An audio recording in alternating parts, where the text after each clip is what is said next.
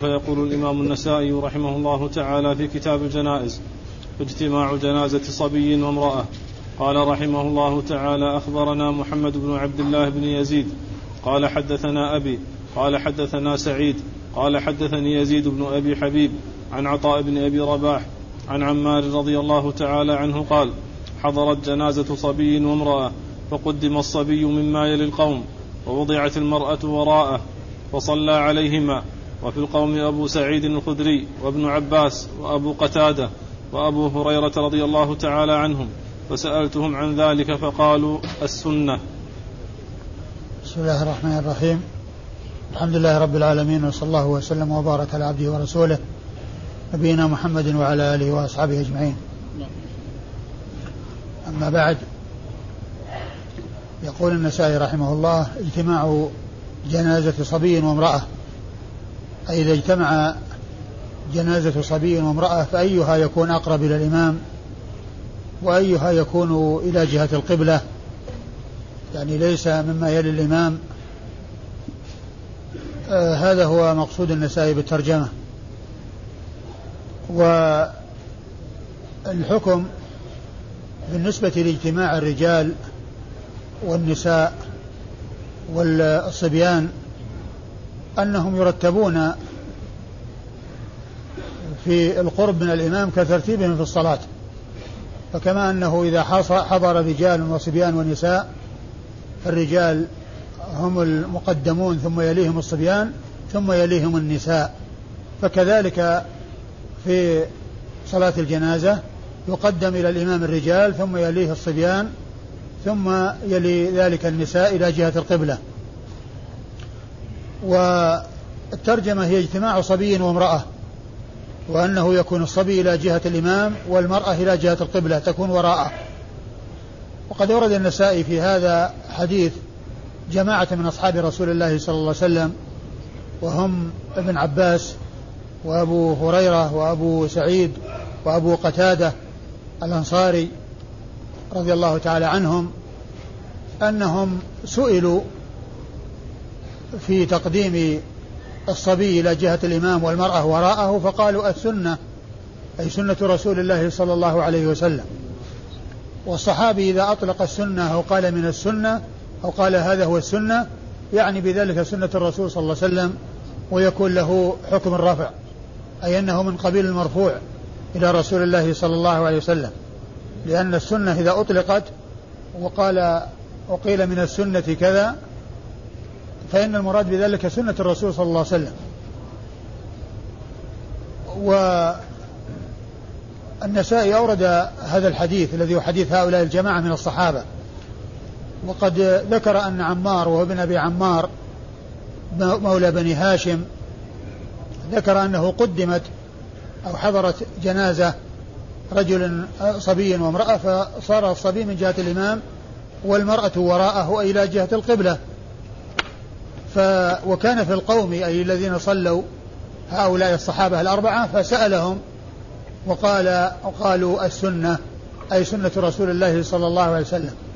إذا هذا الحديث عن جماعة من أصحاب رسول الله عليه الصلاة والسلام ورضي الله عنهم وأرضاهم وبينوا أن كون الغلام آه، أو جنازة الغلام تلي الإمام وجنازة المرأة تكون وراءه إلى جهة القبلة فيما إذا اجتمع جنازة صبي وامرأة هذا هو السنة.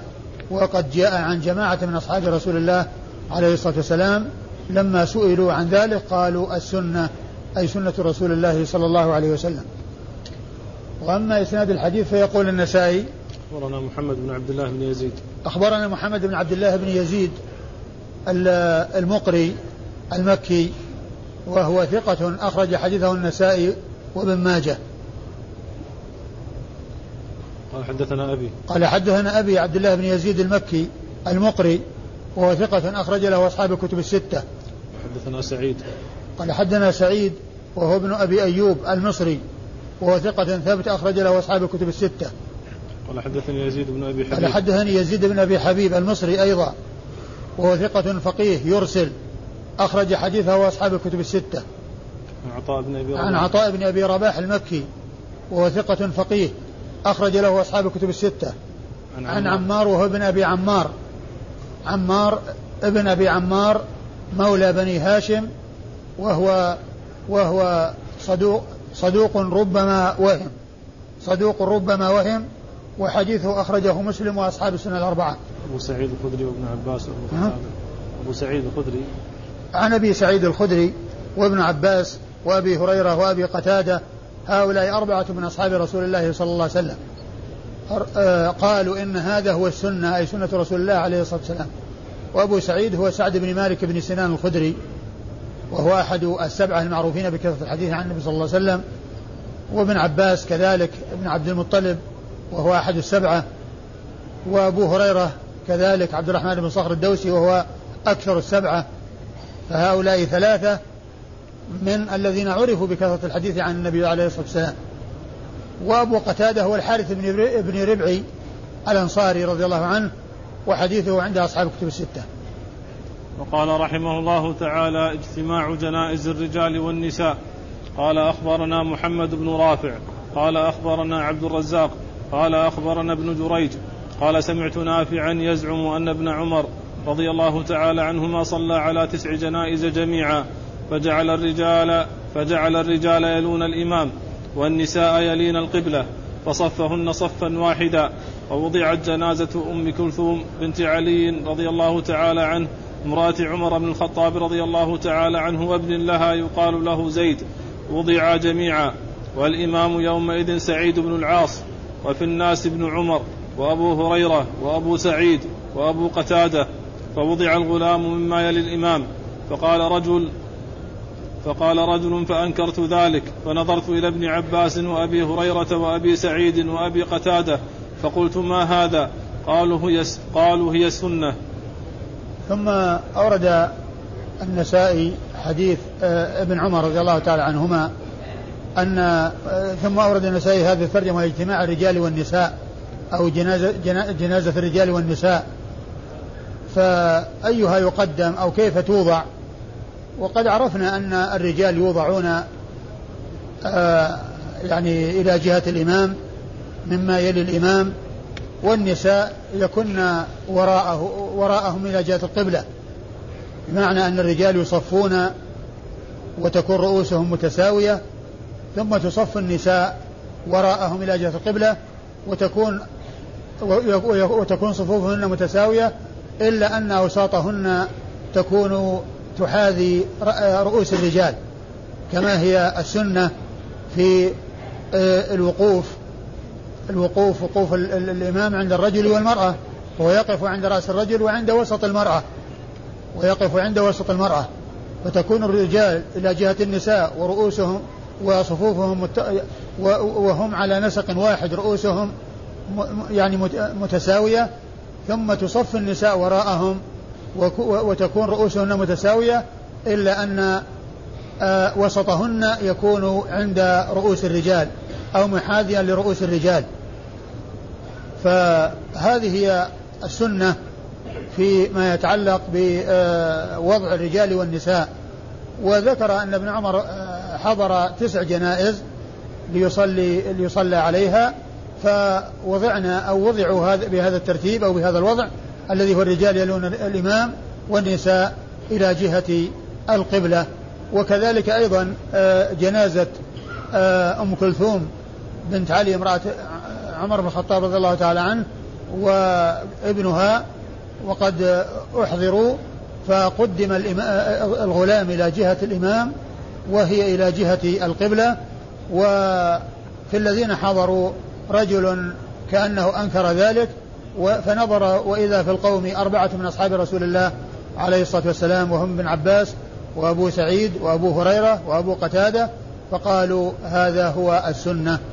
والذي آه، سبق أن مر أو آه، في الحديث الأول آه، عمار بن أبي عمار هو الذي هو الذي يعني ظهر منه السؤال عن ذلك أو إنكار ذلك ولكنه أخبر بأن, ذلك بأن هذا سنة رسول الله صلوات الله وسلامه وبركاته عليه. وأما إسناد الحديث فيقول النسائي أخبرنا محمد بن رافع. أخبرنا محمد بن رافع. محمد بن رافع هو القشيري النيسابوري. ثقة عابد أخرج حديثه أصحاب الكتب الستة إلا ابن ماجه. عن عبد الرزاق. عن عبد الرزاق بن همام الصنعاني اليماني. وهو ثقة حافظ مصنف أخرج حديثه أصحاب الكتب الستة. ابن جريج. عن ابن جريج وهو عبد الملك بن عبد العزيز بن جريج المكي. وهو ثقة فقيه يرسل ويدلس وحديثه أخرجه أصحاب الكتب الستة. عن نافع. عن نافع وهو مولى بن عمر. وهو ثقة ثبت أخرج له أصحاب الكتب الستة. عن ابن عمر رضي الله تعالى عنهما آآ آآ أن أن أن ابن عمر رضي الله تعالى عنه إيش الحديث؟ أن يزعم أن ابن عمر صلى يزعم وكلمة يزعم هنا المقصود بها الخبر المحقق لأن كلمة الزعم تأتي لمعاني وأحيانا يأتي تأتي ويراد بها الخبر المحقق. أن يخبر خبرا محققا بأن ابن عمر حصل له كذا وكذا. وابن عمر هو عبد الله بن عمر بن الخطاب آه، آه، أحد العبادلة الأربعة من أصحاب رسول الله عليه الصلاة والسلام وأحد السبعة المعروفين بكثرة الحديث عن النبي صلى الله عليه وسلم. وفي آخر الحديث الأربعة من أصحاب الرسول صلى الله عليه وسلم وهم الذين آه، جاء عنهم بيان أن الغلام يقدم إلى جهة الإمام والمرأة تكون إلى جهة القبلة وأن هذا هو سنة رسول الله عليه الصلاة والسلام. والذي يفهم الذي يبدو من الحديث أن فيه واقعتان. واقعة فيها رجال ونساء اجتمعوا وعبد الله بن عمر هو الذي يصلي بالناس وأنهم النساء والرجال إلى جهة الإمام والنساء إلى جهة القبلة. والقصة الثانية قصة الصبي والمرأة. والصبي هو ابن آه ابن أم كلثوم ابنة علي بن أبي طالب زوجة عمر بن الخطاب رضي الله تعالى عنه. وفيه تقديم الصبي إلى جهة الإمام. والمرأة إلى جهة القبلة وأن ذلك هو السنة كما جاء عن أربعة من أصحاب رسول الله صلى الله عليه وسلم. وقال رحمه الله تعالى أخبرنا علي بن حجر قال أخبرنا ابن المبارك والفضل بن موسى حاء قال وأخبرنا سويد قال أخبرنا عبد الله عن حسين المكتب عن عبد الله بن بريدة عن سمرة بن جندب رضي الله تعالى عنه أن رسول الله صلى الله عليه وسلم صلى على أم فلان ماتت في نفاسها فقام في وسطها. ثم ورد النسائي حديث حديث من هو؟ سمرة. حديث سمرة بن جندب رضي الله عنه أن النبي عليه الصلاة والسلام صلى على جنازة أم فلان فقام في وسطها. يعني هذا فيه الموقف بالنسبة للمرأة وأنه يكون في وسط المرأة. وهذا بخلاف الرجل فإن الإمام يقف عند رأسه يقف عند رأسه و وإسناد الحديث يقول النسائي أخبرنا علي بن حجر. علي بن حجر وهو بن إياس المروزي السعدي السعدي المروزي وهو ثقة حافظ أخرج حديثه البخاري ومسلم والترمذي والنسائي. أخبرنا ابن المبارك. قال أخبرنا ابن المبارك وهو عبد الله بن المبارك المروزي. ثقة ثبت جواد مجاهد عابد جمعت فيه خصال الخير كما قال ذلك الحافظ بن حجر في ترجمته في تقريب التهذيب وحديثه أخرجه أصحاب الكتب الستة. وكذلك أيضا الفضل بن موسى المروزي أيضا وهو ثقة أخرج له أصحاب الكتب الستة. ثم قال حاء قال النسائي حاء أي هذا هذه هذا الحرف يدل على التحول من إسناد إلى إسناد. قال وأخبرنا سويد بن نصر وهو المروزي أيضا وهو ثقة أخرج له الترمذي والنسائي يروي عن عبد الله وهو ابن المبارك وهو الذي في الإسناد الأول عن حسين المكتب. عن حسين المكتب وهو حسين بن ذكوان المعلم يقال له المكتب. قد سبق أن مر بنا قريبا الحديث من طريق حسين ولكنه غير منسوب وحسين بن ذكوان. المعلم ويقال له المكتب. وحديث وهو ثقة, وهو ثقة ربما وهم. وحديثه أخرجه أصحاب الكتب الستة. عن عبد الله بن بريدة. عن عبد الله بن بريدة ابن الحصيب المروزي. وهو ثقة أخرج له أصحاب الكتب الستة. عن سمرة. عن سمرة بن جندب بن جنادة صاحب رسول الله صلى الله عليه وسلم. وحديثه أخرجه أصحاب الكتب الستة. قال رحمه الله تعالى عدد التكبير على الجنازة. قال أخبرنا قتيبة عن مالك عن ابن شهاب عن سعيد عن أبي هريرة رضي الله تعالى عنه أن رسول الله صلى الله عليه وسلم نعى للناس النجاشي وخرج بهم فصف بهم وكبر أربع تكبيرات. ثم ورد النسائي هذه الترجمة وهي التكبير على الجنازة. الصلاة على الجنازة فيها تكبيرات. أقلها أربع وأعلاها تسع. وقد جاء في ذلك أحاديث. ذكرها الشيخ الألباني في كتاب أحكام الجنائز لكن الذي جاء عن الرسول صلى الله عليه وسلم بكثرة وجاء عن خلفائه الراشدين هو الأربع. الأربع التكبيرات. أربع تكبيرات. هذا هو الذي جاء عن الرسول صلى الله عليه وسلم كثيرا وجاء عن الخلفاء الراشدين رضي الله تعالى عنهم وأرضاهم. أي أربع تكبيرات. وقد أورد النسائي حديث من هو الصحابي؟ أبي هريرة.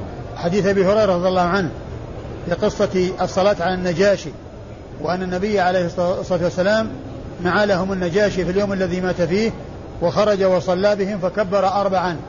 فكبر أربعا. وهذا هو المقصود من إيراد الحديث هنا لأن الحديث دال على التكبير على الجنازة أربع تكبيرات وذلك في صلاة الغائب وأن صلاة الغائب هي كصلاة الحاضر كالصلاة على الميت الحاضر آه صفة الصلاة عليه أي على الميت الغائب كصفة الصلاة على الميت الحاضر وأن التكبيرات أربع تكبيرات. أخبرنا قتيبة. أخبرنا قتيبة هو بن سعيد بن جميل بن طريف البغلاني ثقة ثبت أخرج له أصحاب الكتب الستة. عن مالك. عن مالك بن أنس إمام دار الهجرة المحدث الفقيه الإمام المشهور أحد أصحاب المذاهب الأربعة المشهورة من مذاهب أهل السنة وحديثه أخرجه أصحاب الكتب الستة. عن ابن شهاب. عن ابن شهاب وهو محمد بن مسلم بن عبيد الله بن عبد الله بن شهاب بن عبد الله بن الحارث بن زهرة بن كلاب ثقة فقيه.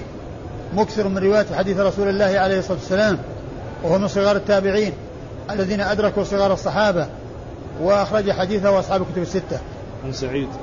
عن سعيد هو بن المسيب المدني وهو ثقة فقيه أحد الفقهاء السبعة في المدينة في عصر التابعين وحديثه أخرجه أصحاب الكتب الستة. عن أبي هريرة وهو عبد الرحمن بن صخر الدوسي صاحب رسول الله عليه الصلاة والسلام وحديثه وهو أحد السبعة المعروفين بكثرة الحديث عن النبي عليه الصلاة والسلام بل هو أكثر السبعة حديثا على الإطلاق.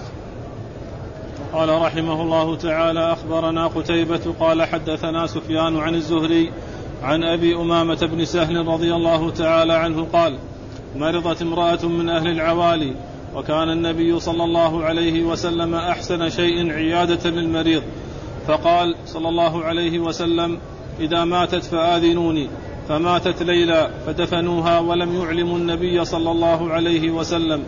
فلما أصبح سأل عنها فقالوا كرهنا أن نوقظك يا رسول الله. فأتى قبرها فصلى عليها وكبر أربعا. صلى الله عليه وسلم. ثم ورد النسائي حديث أبي أمامة بن سهل بن حنيف في قصة المرأة التي كانت مرضت وهي من المساكين وكان النبي صلى الله عليه وسلم يعودها وقال إذا ماتت فأخبروني فماتت ليلا وكرهوا أن يوقظوا الرسول عليه الصلاة والسلام وأن يشقوا عليه فدفنوها في الليل. فلما علم بذلك رسول الله عليه الصلاة والسلام ذهب وقف على قبرها وصلى عليها وكبر أربع تكبيرات. وهذا هو محل الشاهد أن الجنازة عندما يصلى عليها يكبر أربع تكبيرات. والحديث سبق أن مر في آه، عدة تراجم سابقة. وإسناد الحديث أخبرنا قتيبة. قتيبة وقد مر ذكره. عن سفيان. عن سفيان وهو بن عيينة. سفيان هو بن عيينة المكي وهو ثقة فقيه. أخرج له أصحاب الكتب الستة وهو غير منسوب هنا. وإذا جاء سفيان غير منسوب. يروي عن قتيبة فالمراد به ابن عيينة. وكذلك إذا جاء قتيبة إذا جاء سفيان يروي عن الزهري وهو غير منسوب فالمراد به ابن عيينة لأن المراد لأن ابن عيينة هو المعروف بكثرة الرواية عن الزهري. بل قد ذكر الحافظ بن حجر في فتح الباري أن الثوري لا يروي عن عن الزهري إلا بواسطة. عن أبي أمامة بن سهل عن أبي أمامة بن سهل بن حنيف واسمه أسعد آه وهو من أصحاب رسول الله عليه الصلاة والسلام وحديثه أخرجه أصحاب الكتب الستة. وقال رحمه الله تعالى أخبرنا عمرو بن علي. قال حدثنا يحيى قال حدثنا شعبة قال حدثني عمرو بن مرة عن ابن أبي ليلى أن زيد بن أرقم رضي الله تعالى عنه صلى على جنازة فكبر عليها خمسا وقال كبرها رسول الله صلى الله عليه وسلم. وهذا وهنا أورد النسائي حديث زيد بن أرقم رضي الله عنه أنه صلى على جنازة فكبر عليها خمسا وقال هكذا كبر رسول الله صلى الله عليه وسلم هكذا كبر وفعل قال قال كبرها رسول الله صلى الله عليه وسلم. كبرها رسول الله صلى الله عليه وسلم كبر هذه التكبيرات رسول الله صلى الله عليه وسلم. فهذا يدلنا على أن الجنازة يكبر عليها أربع ويكبر عليها خمس وكذلك يكبر عليها أكثر من ذلك إلى تسع كما جاءت بذلك الأحاديث عن رسول الله عليه الصلاة والسلام. لكن الغالب من فعله عليه الصلاة والسلام والذي كان يفعله كثيرا وفعله الخلفاء الراشدون من بعده أنه يكبر عليها أربع تكبيرات. والإسناد؟ أخبرنا عمرو بن علي. أخبرنا عمرو بن علي هو الفلاس ثقة أخرج له أصحاب الكتب الستة بل هو شيخ لأصحاب الكتب الستة روى عنه مباشرة وبدون واسطة. عن يحيى. عن يحيى وهو بن سعيد القطان وهو ثقة أخرج حديثه أصحاب الكتب الستة. عن شعبة. عن شعبة بن الحجاج الواسطي ثم البصري وهو ثقة ثبت وصف بأنه أمير المؤمنين في الحديث وحديثه أخرجه أصحاب الكتب الستة. عن عمرو بن مرة. عن عمرو بن مرة الكوفي المرادي وهو ثقة أخرج له أصحاب الكتب الستة. عن ابن أبي ليلى. عن ابن أبي ليلى وهو عبد الرحمن ابن أبي ليلى ثقة أخرج له أصحاب الكتب الستة. عن زيد بن عن زيد بن أرقم صاحب رسول الله عليه الصلاة والسلام وهو صحابي مشهور أخرج حديثه أصحاب الكتب الستة. والله تعالى أعلم وصلى الله وسلم وبارك على عبده ورسوله نبينا محمد وعلى آله وأصحابه أجمعين.